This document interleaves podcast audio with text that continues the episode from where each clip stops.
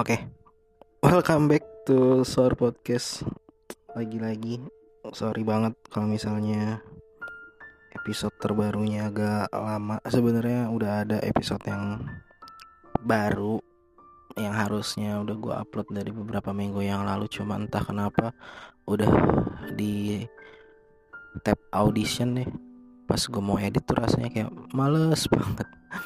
Males. Cuma udah gue baru udah mas gue baru masukin template yang udah gue bikin tapi belum sempat untuk uh, bersihin atau ngerapihin lagi untuk di ada bagian harus dikat karena terlalu panjang mungkin atau karena agak-agak menyinggung beberapa pihak mungkin untuk walaupun kalau pas teks sih gue ngerasa aman-aman aja cuma kan takutnya ada aja gitu yang ngambil kesempatan untuk merasa tersinggung gitu karena audionya lumayan gede ukurannya dan durasinya juga lumayan lama jadinya agak males ngeditnya. Kayaknya sih gagal diupload lagi karena udah mepet banget sama waktu dan udah lumayan basi jadinya nanti. Ah lagi-lagi ini monolog lagi nih. Ya gue tahu mungkin beberapa listener gue tuh nggak terlalu suka sama monolog lebih suka mungkin percakapan podcast yang sebenarnya siniar yang sebenarnya tapi ya gimana ya? Um, beberapa waktu belakang ini gue lagi fokus sama diri gue sendiri sih ya yang ya lagi egois nggak egois ya fokus sama diri sendiri tuh beda ya sama egois. Kayak ya gue senangnya ngapain gue senangnya sama siapa dan kadang beberapa kesenangan itu nggak enak aja untuk direkam gitu enaknya untuk dinikmati buat di momen itu aja gitu. Jadi kayak waktu itu sempet uh, ngumpul nggak ngumpul sih kayak ma main bareng aja gitu. Karena si kesum temen SMP gue yang waktu itu gue sempet ajakin podcast juga yang di episode bola nostal nostalgia. Itu datang ke rumah gue udah lama banget kita nggak ketemu jadi nggak banyak yang pengen gue rekam. Malah tadinya udah pengen ambil HP buat ngerekam jadi nggak jadi ya jadi banyakan ngobrol segala hal aja gitu. Karena teman lama ya kan ketemu terus ya udah ngobrol aja gitu. Sama mungkin waktu itu apa lagi ya? Ya beberapa beberapa aktivitas yang menurut gue lebih enak untuk dinikmati sendiri atau sama orang-orang terdekat tanpa perlu untuk direkam atau dijadikan konten sih. Uh, ya gue tahu kalian pernah terlalu suka sama konten podcast yang monolog kayak gini karena kesannya kayak cuma dengerin orang ngebacot doang, gua ngebacot doang. Tapi yang yang episode kali ini gua nggak peduli. gua nggak peduli kalian gak denger, gak peduli, gak peduli, gak peduli. gue cuma peduli sama orang yang gue tuju dan jadi objek di monolog podcast kali ini yaitu satu-satunya. Ya kak cuma satu. Bener dah cuma satu. Oshi gue saat ini di JKT48 idol group yang sudah 10 tahun berdiri itu yang masih banyak orang nggak nyangka aja masih ada JKT48 gue juga nggak nyangka loh. Walaupun gue baru bener-bener ngikutin sekitar empat tahun yang lalu tapi gue juga nggak nyangka sih sampai 10 tahun masih ada ya gue pengen ngebahas nggak ngebahas sih lebih ke apa ya kalau bahasa Eropanya mah uh, tribute tribute. Tribute buat Oshigo yang bentar lagi lulus dari JKT48 yang sempat gue singgung sebenarnya di episode kemarin yang sepi banget listenernya itu yang roller coaster week yang jahat jahat banget kalian. Canda nggak apa-apa. Kan ini juga cuma personal jurnal buat gue doang sebenarnya. Jadi kalau ada yang dengar syukur. Nggak ya udah nggak apa-apa. Yang penting udah keluar dari otak gue iya tadi gue singgung soal osi gue yang mau lulus hari Sabtu besok ini hari Kamis gue tagnya berarti iya gue upload hari Jumat ya bener-bener besok. Minggu udah nggak punya osi istilahnya tuh kalau di JKT itu di website officialnya kan di ada kolom my page gitu yang isinya tuh identitas kita sama anggota atau member yang disuka yang disukai. Istilah lainnya itu oshi biasanya di situ terpampang fotonya tapi kayaknya per 28 Desember gue itu udah diganti jadi logo JKT48 nggak ada foto siapa pun di sana. Sampai kapan? Kayaknya masih lama buat ganti jadi foto orang lagi atau bahkan gue nggak bakal diganti lagi jadi foto orang ya nggak tahu sih. Uh karena ini tribute atau lebih tepatnya uh, gue cerita sedikit soal gimana gue kenal sama anak ketiga dari tiga bersaudara ini. Segitu taunya enggak itu informasi umum sumpah. Itu informasi umum karena kakak-kakaknya orang terkenal juga sebenarnya. Gimana gue bisa tahu? Iya pasti yang pertama kali ya dari perkenalan generasi ke-8 waktu itu. Kan di walaupun gue nggak nonton live tapi kan ada di live Instagram official JKT-nya waktu itu. Waktu itu sih sempat ketutup ya karena yang lebih dieluh-eluhkan tuh karena waktu itu ada Afika di sana di gen generasi 8 pertama kali dikenalin tuh ada Afika ada Afika lalu habis itu baru di baru dia ya Amanina Amirah yang kayaknya kedua tapi memang kayak ya udah gitu kayak lewat lewat lewat lewat, lewat sampai terakhir gitu. Gue lupa waktu itu gen 8 ada berapa orang 12 atau berapa gitu gue lupa pokoknya. Lumayan banyak lah buat generasi baru. Terus ya udah. Dari situ mungkin gue belum terlalu notice tapi gue tahu ada member yang namanya member akademi kan waktu itu kalau baru perkenalin tuh berarti dia jadi murid akademi kelas B. Belum punya sosmed tapi udah jadi bagiannya akademi CKT yang cuma bisa dinikmati performa itu dalam rangka ujian untuk naik ke akademinya aja gitu di sela-sela show teater reguler. Offline waktu itu belum ada layanan live streaming gitu jadi yang bisa yang bisa tahu perkembangan anak-anak akademi kelas B itu ya yang nonton live on eh, live offline ya di teater langsung. Gue karena waktu itu juga gue masih ngosiin seseorang dari generasi 3 jadi nggak terlalu nggak terlalu ngikutin lah. Terus beberapa waktu kemudian dia dan beberapa generasi 8 udah lulus untuk ujian kenaikan ke kelas A akhirnya punya sosmed. Hmm, itu juga gue belum terlalu ngikutin itu. Belum terlalu gimana ya belum terlalu into gitu tahu. Kalau tahu mah tahu tahu aja cuma belum terlalu pengen atau belum istilahnya tertarik gitu untuk ngikutin sosial medianya gitu karena masih akademi gitu belum kelihatan apa-apa. Ya satu satu gen 8 yang waktu itu masih yang udah lumayan menarik banyak fans ya Afika dan memang dia juga bertalenta nggak cuma sekedar terkenal gitu. Terus ya lanjut dari nggak nggak ada ketertarikan itu.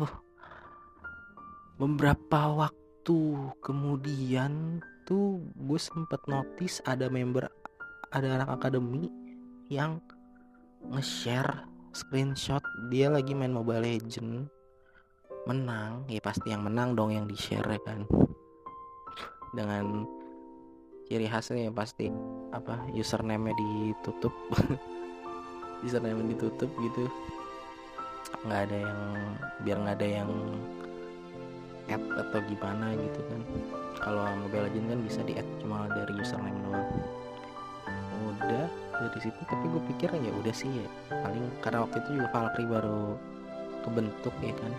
Ya paling gue pikir ah ya udah paling ya emang emang game lagi in gak sih? Kayak masih masih naik dan bakal nambah terus yang main ya termasuk ini nih anak akademi satu.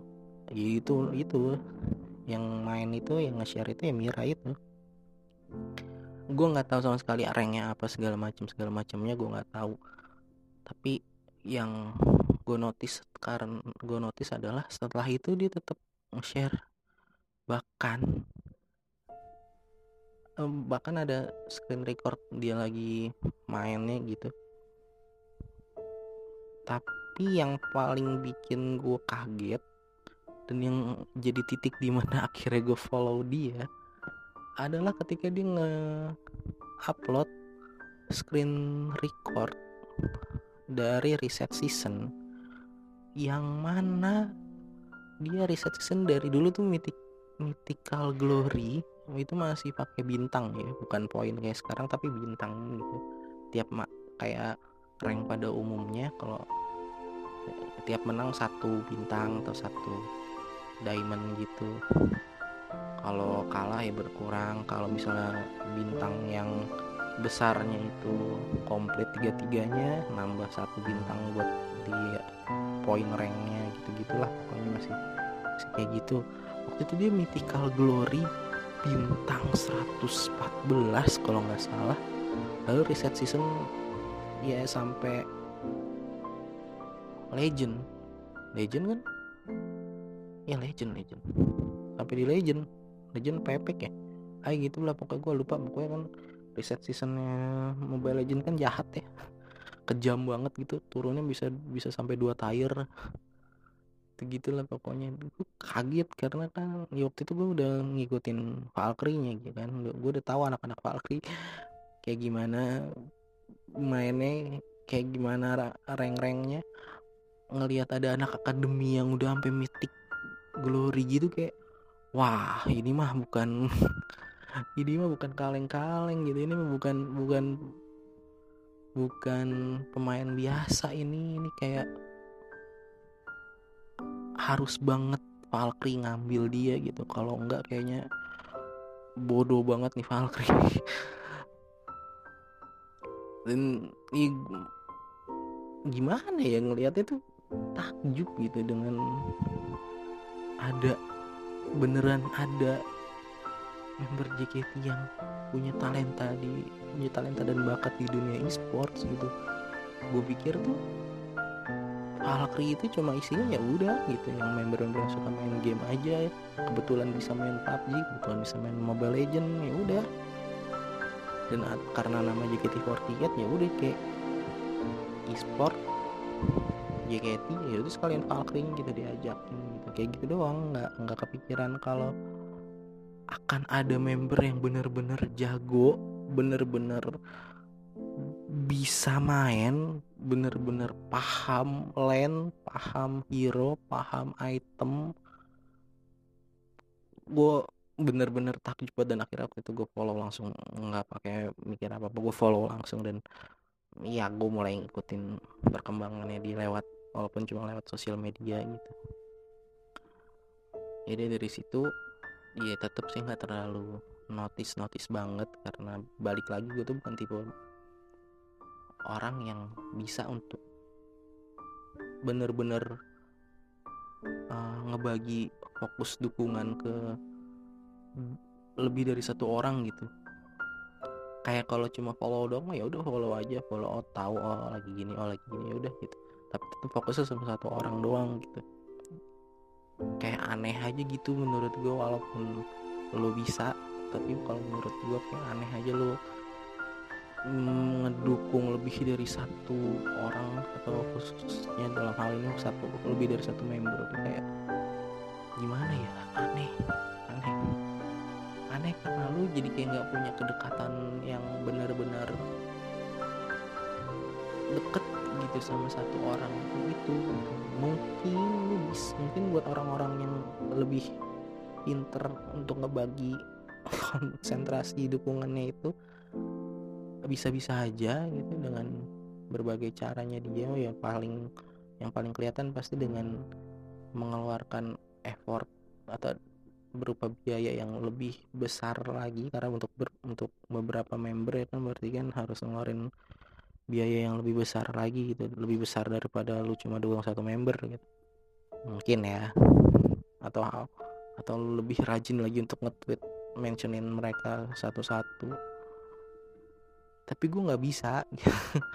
Nah sih kayak nggak bisa aja gitu. Satu-satu aja gitu. Kagum tak atau tertarik. Ya sekilas sekilas saja sedikit sedikit aja. Atau bahasa sekarang tipis-tipis saja nggak yang gimana nggak yang bisa untuk bener-bener wah gue dukung ini sama ini sama ini gitu. Nggak bisa itu gue cuma satu aja. Dan akhirnya ya udah gue cuma fokus sama si kakaknya. Gen 8 ini gen si gen 3 ini udah jadinya nggak gimana gimana tapi gue tetap ikutin dia. Momen di mana dan dia uh, dapet setlist baru dapet unit song baru isi unit song apa. Beberapa kali gue sempet notice gitu kayak dia sempet di waktu akademi kelas A dapet satu setlist lagi uh, Boku no Tayo gue ngikutin dia gue tahu dia uh, dapet setlist itu dan unit song Himawari dan Himawari cukup terkenal juga kan lagunya. Dan bagus banget. Ya untuk ukuran akademi itu bagus banget. Uh, dari situ ya ngikutin lagi ya terus ngikutin lagi waktu dia promosi waktu dia promosi ke tim dari akademi ke tim. Di hari yang sama dengan Oshigo saat itu triple team dipromosin untuk jadi triple team. Tapi kalau ditanya lebih senang lihat Oshi sendiri triple team atau member yang lu perhati yang lu lagi perhatiin promosi gue lebih seneng atau gue lebih dapet feel bahagianya feel happynya ketika ngeliat si member akademi ini naik ke tim entah kenapa seneng aja. Lebih seneng gitu kayak nggak sia-sia gitu. Akhirnya dia naik ke tim perjuangannya yang sama sekali orang pasti nggak banyak yang tahu. Di belakang panggung itu apa aja yang dikorbanin. Terus terbayarkan dengan dia promosi ke tim. Itu seneng senengnya pasti untuk dia priceless banget dan untuk fansnya luar biasa banget gue yang bukan waktu itu cuma sekedar perhatiin dia aja ikutan seneng dan lebih seneng sendiri daripada ngeliat Osi triple team tuh nggak tahu deh.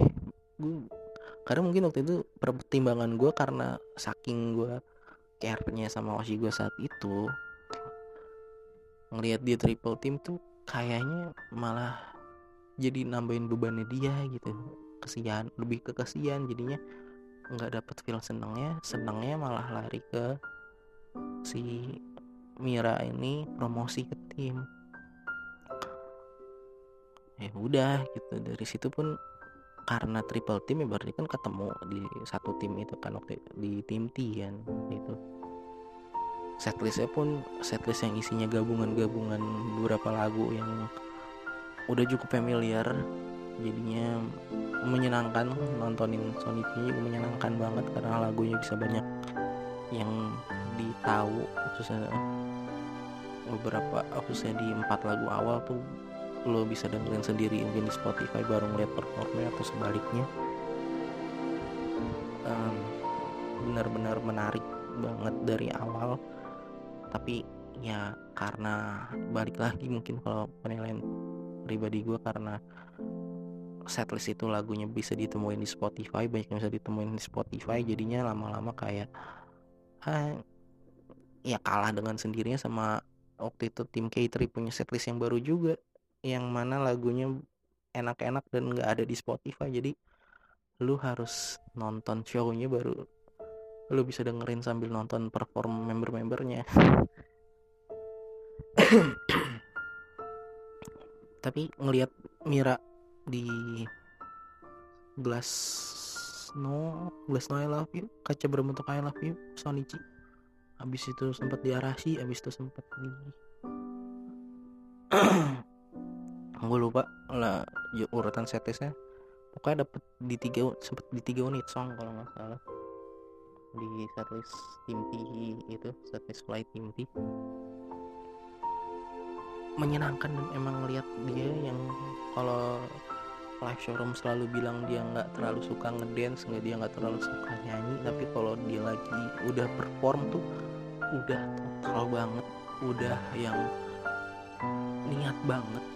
Gerakannya tuh gerakan ekspresinya tuh padu banget. Bener-bener beda gitu kayak dia tuh memang bener-bener profesional aja gitu. Profesional tapi tetap pakai hati gitu jadi enak ditontonnya dan ya hiburan banget gitu menyenangkan banget ngelihatnya gitu jadinya.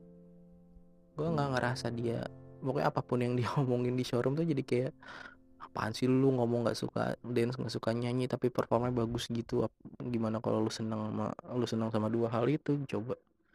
Mungkin lu bisa lebih lagi tapi ya segitu aja udah bagus gitu jadinya.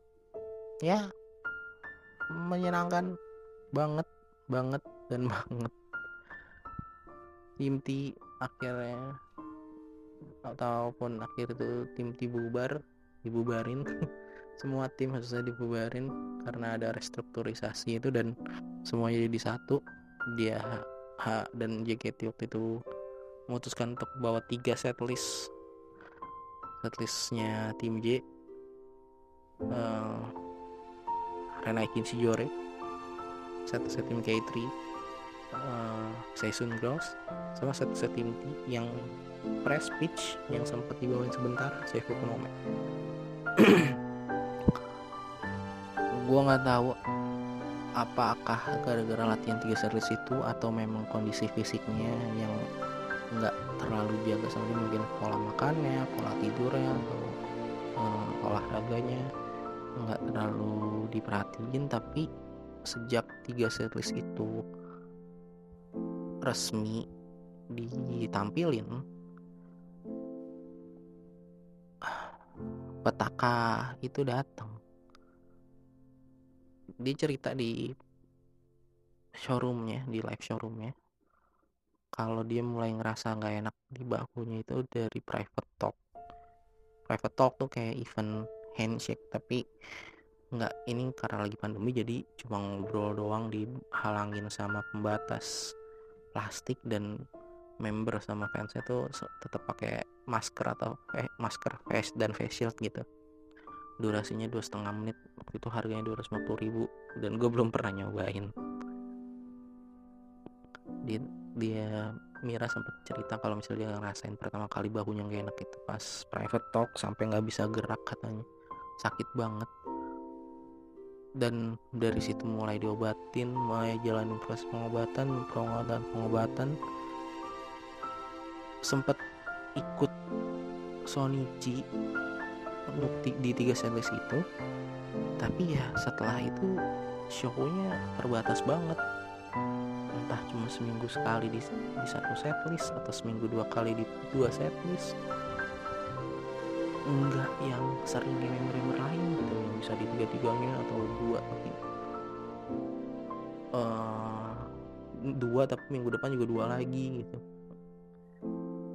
Wajar sih memang diwajarin gitu dengan cederanya dia gitu. Tapi gue dan gue juga masih mikir akan sembuh gitu kak. Dengan dengan manajemen juga udah ngasih keringanan jadwal dan dia masih berobat gue pikir itu akan sembuh dengan sendirinya. Ya tapi ya udah dari situ akhirnya satu setelah ppkm ppkm udah mulai turun tapi dia udah nggak pernah show dan ya ya ya udah deh. 22 Oktober ada ngomongin untuk grade 27 November besok dia grade. Ya udah dinikmati aja prosesnya. Dinikmati aja perjalanannya dan ya buat gue yang cuma sempat ngasihin dia selama hampir 7 bulan dari bulan Mei sampai bulan ini bulan November agak sedih. Tapi ya mungkin itu yang mesti dilaluin tapi kalau gue boleh cerita sedikit uh, jauh sebelum musim dia ketika dia masuk Valkyrie 48 tim e-sportnya JKT48 yang tadi sempat gue singgung dia udah jago banget dia member akademi tapi udah jagonya tuh kebangetan. Yang aneh banget kalau Valkyrie nggak rekrut dan ternyata beneran direkrut di masukin ke list member Valkyrie sejak 1 Desember 2019 waktu itu pas event handshake apa ya gue lupa. Seneng banget seneng gitu karena karena akhirnya dia masuk Valkyrie dan dan memang rezekinya dari Valkyrie gitu kayak semakin kelihatan dia potensi mainnya yang jago itu karena udah tersalurkan uh, semakin berkembang dia semakin dikenal sama banyak fans semakin dam banyak dapat atensi. Segalanya tuh berjalan lancar. Menurut gua dan menurut dia juga sempat cerita kalau nggak ada Fahri ya aku nggak kelihatan gitu. Aku nggak bakal kelihatan nggak bakal dilirik sama banyak orang sebanyak ini banyak sekarang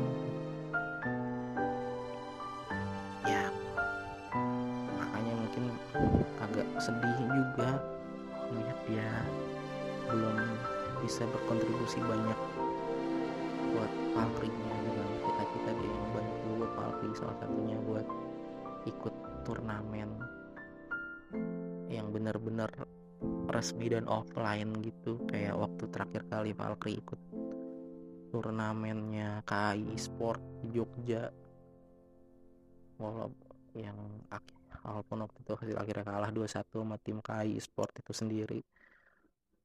Tapi ya itu kan pengalaman yang gak akan bisa dilupain gitu. Lu duduk berlima di satu stage bareng-bareng lu shot call satu shot call satu ngejalanin eh empat ngejalanin. Eh, kok empat sih? Lima limanya dong jalanin. Ya gitu deh pokoknya. Itu kebayang kalau misalnya Mira berhasil untuk ngelakuin itu di tahun-tahun setelah dia join Valkyrie. Tapi dua tahun dia cuma cuma ikut di Celebrity Superstar Battle dan itu pun online lewat Zoom doang. Dengan performanya luar biasa banget. Gue sempet gue sempet ngitungin atau nyatetin KDA nya sama eh KDA nya doang sih. Ini yang paling bagus dari semua member Falcon. Wow. Bener-bener jago gitu ya ampun. Sebagai yang ngikutin e-sport dari 2017 ya gue ngeliat itu tuh kayak yang sekarang di alam sama Valkyrie itu kayak kemalangan yang besar gitu. Kayak ibaratnya tuh kayak apa ya? Kayak tim kayak EVOS kehilangan roster-roster andalannya setelah juara M1 gitu. Berasa banget dampaknya dan gue takut Valkyrie juga akan berasa akan merasakan dampaknya itu loh. Karena bener-bener udah nggak ada lagi jadi JKT yang pro player ya pro player MOBA dia doang. MOBA ya gue bilang MOBA. Mungkin kalau di PUBG masih ada cuma ya anaknya udah jarang banget latihan. Setahu gue ya. Di Valorant mungkin ada cuma MOBA kan maksudnya yang yang simple yang yang bisa yang scene juga masih kompetitif walaupun uh, komunitasnya lagi rusak karena si karena para provokator yang suka banget menangin akun-akun IG itu.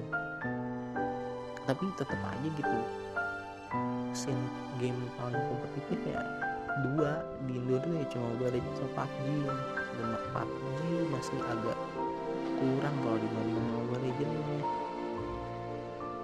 kehilangan member yang jago beneran di Mobile Legends tuh kayak wah gue gak kebayang tapi ini lebay-lebayan gue aja sih walaupun sebenarnya Valkyrie juga nggak akan nggak yang bukan tim e-sport yang reguler ikut turnamen gitu. Tapi kan ya tetap aja akan berasa sih di kemudian hari walaupun nggak nggak signifikan nggak signifikan dalam hal prestasi gimana gimana gitu. Kecuali mungkin Valkyrie udah mulai reguler ikut turnamen tuh baru. Tapi kan enggak ya yang pak yang berasa yang paling dari kalau lagi main kalau lagi kalau mereka lagi mabar aja mungkin berasa aja nggak ada yang nge-carry. Ya sedih sih untuk sedih untuk Valkyrie sedih untuk Miranya juga. Ya tapi ya gue sih udah yang mau sedih-sedihan tapi kayaknya kalau nggak ada momen yang bisa bikin gue sedih nggak nggak akan nangis nangisan lagi sih kayak beberapa waktu ke belakang. Eh beberapa waktu di belakang. Yang kepancing dikit denger lagu. Nangis. Nggak nangis sih. Lebih ke meratapi aja gitu. Kayak beneran nih. Bener nih. Gue baru bentar nih. Masih masih dia.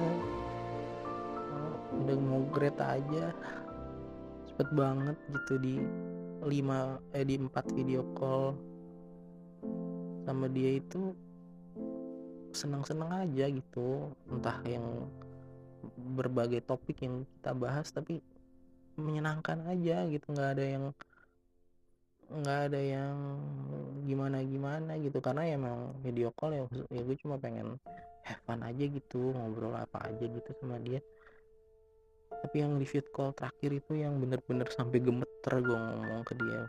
Dia cuma nyampein pesan-pesan doang. Dan gue inget pesan terakhir dia tuh di video call itu ya ini cuma pesan untuk tetap ngasihin dia di luar di dalam maupun di luar JKT ya nggak bisa sih kan kalau udah di luar JKT bukan Oshi namanya. Ngedukung Bamba biasa aja gitu.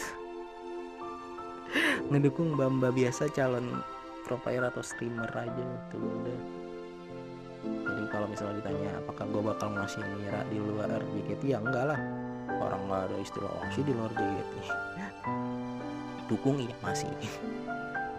Ya gitu sih paling. Ya, kayak gue juga. Kayaknya akan mengurangi intensitas gue di untuk jaket-jaketian walaupun sempet walaupun agak menyesal juga pasti akan ada momen di mana aduh coba aja masih ada coba aja masih ada. Kalau sekarang kalau ada event-event kayak event paling deket yang meet and greet personal gue masih sempet sempetnya ngebuka websitenya nyariin namanya. Eh ya gue lupa udah nggak ada. Aduh sedih banget ya tapi ya udahlah ya, ya. Gue uh, terakhir ini paling gue sekalian pengen nyampein pesan yang bisa disampaikan secara umum aja. Uh, good luck buat di luar JKT-nya buat nanti di kehidupan aslinya. Lo juga udah cukup dewasa sebenarnya. Lo pasti udah ngerti apa yang mau lo lakuin apa yang benar apa yang salah apa yang mesti dilakuin apa yang nggak usah dilakuin apa yang mesti ditanggepin apa yang nggak mesti ditanggepin. Gue yakin seorang Amirah Fatin Yasin udah paham banget untuk hal-hal kayak gitu dan kalaupun lagi hilap atau lagi lupa masih ada kakak-kakak lo yang udah lebih lama ada di skenanya masing-masing. Kak Anot yang di dunia entertain Kak Ica yang di dunia pro player.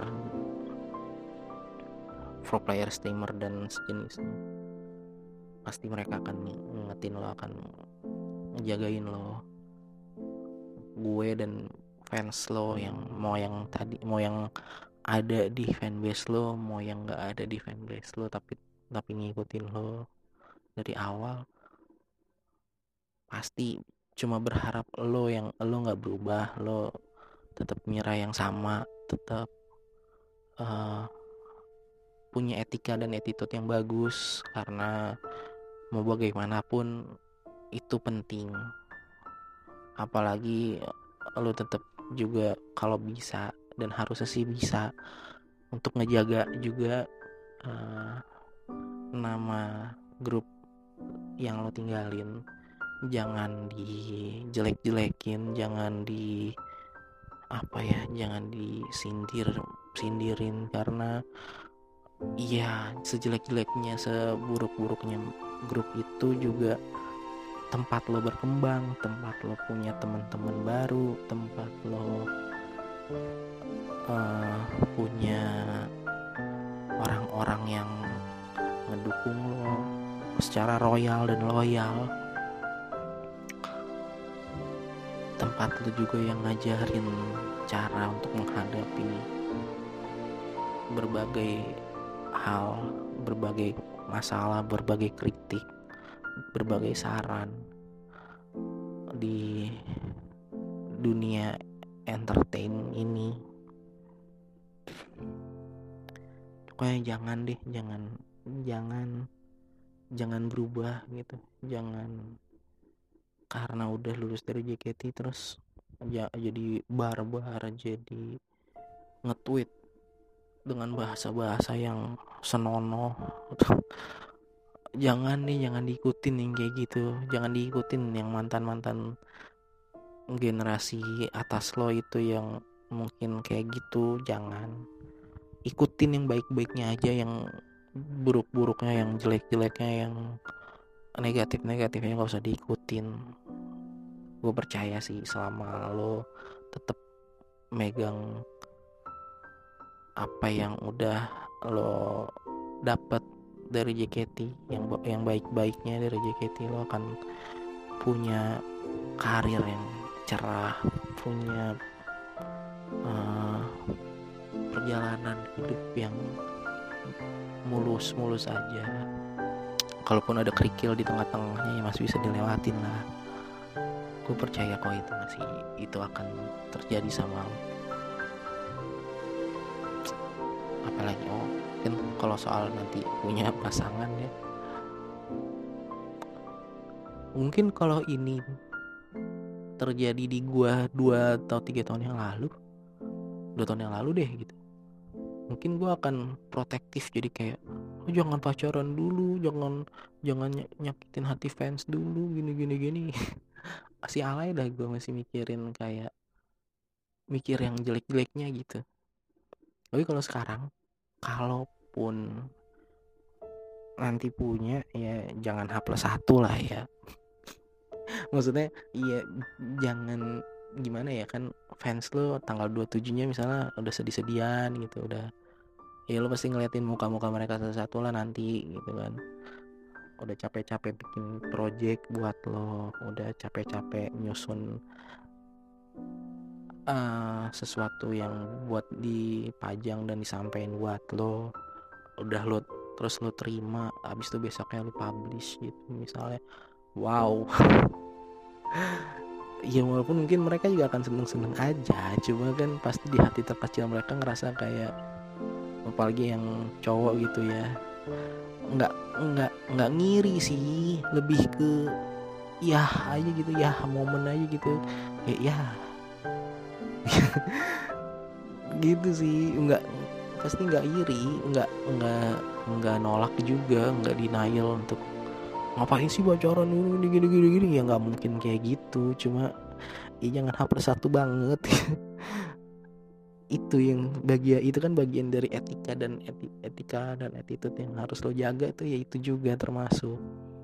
Ya lu ngerti lah pasti timingnya tuh harusnya yang pas. Iya memang lebih cepat lebih baik gitu ya bener. Cuma tetep iya itulah jaga dulu gitu. Kayak lu tetap butuh mereka lo lu tetap butuh fans fans lo gitu di luar nanti apalagi kalau jadi streamer gitu.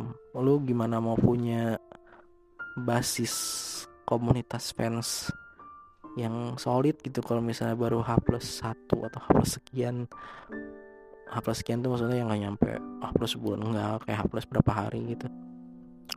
Lu dalam tanda kutip sakitin hati mereka gitu. Dengan mereka habis mereka capek-capek nonton war tiket nyusun nyusun buklet atau apa pun project video nanti itu kan. Terus hapus sekiannya lo publish gitu jadi terus muncul stigma-stigma negatif sama lo muncul wah prasangka-prasangka yang jelek kalau misalnya lu udah lu sebenarnya udah bla bla bla bla bla bla wah. Kan pikiran juga buat fans-fans lo gitu.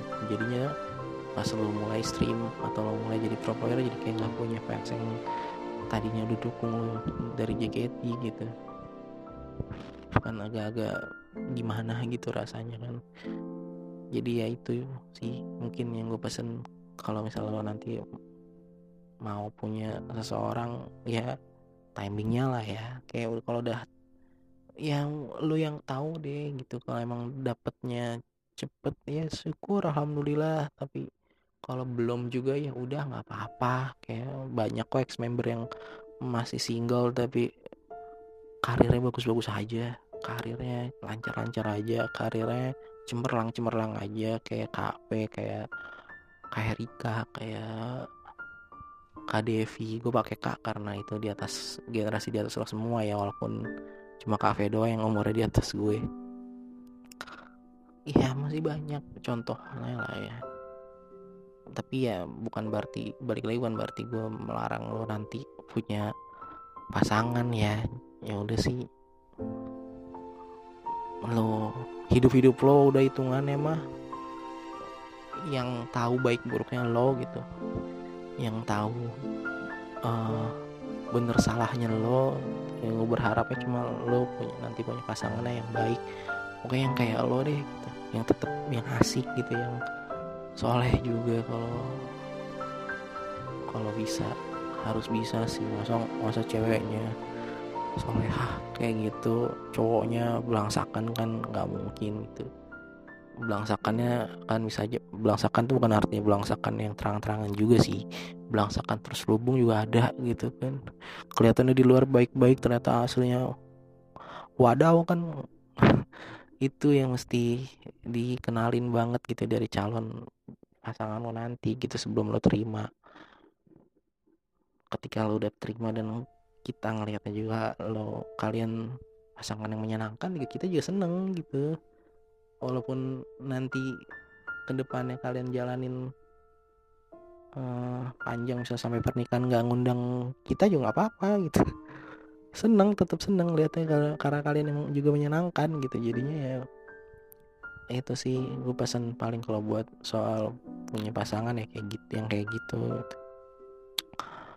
Ah cuma ya sebelum itu have fun buat lah shownya. Mungkin kalau nangis ya wajar gue juga kayaknya akan nangis uh, ya semoga kita ketemu di real life sebagai dua orang yang sempat dipertemukan lewat video call di JKT tapi habis itu ketemu secara nyata di kehidupan asli.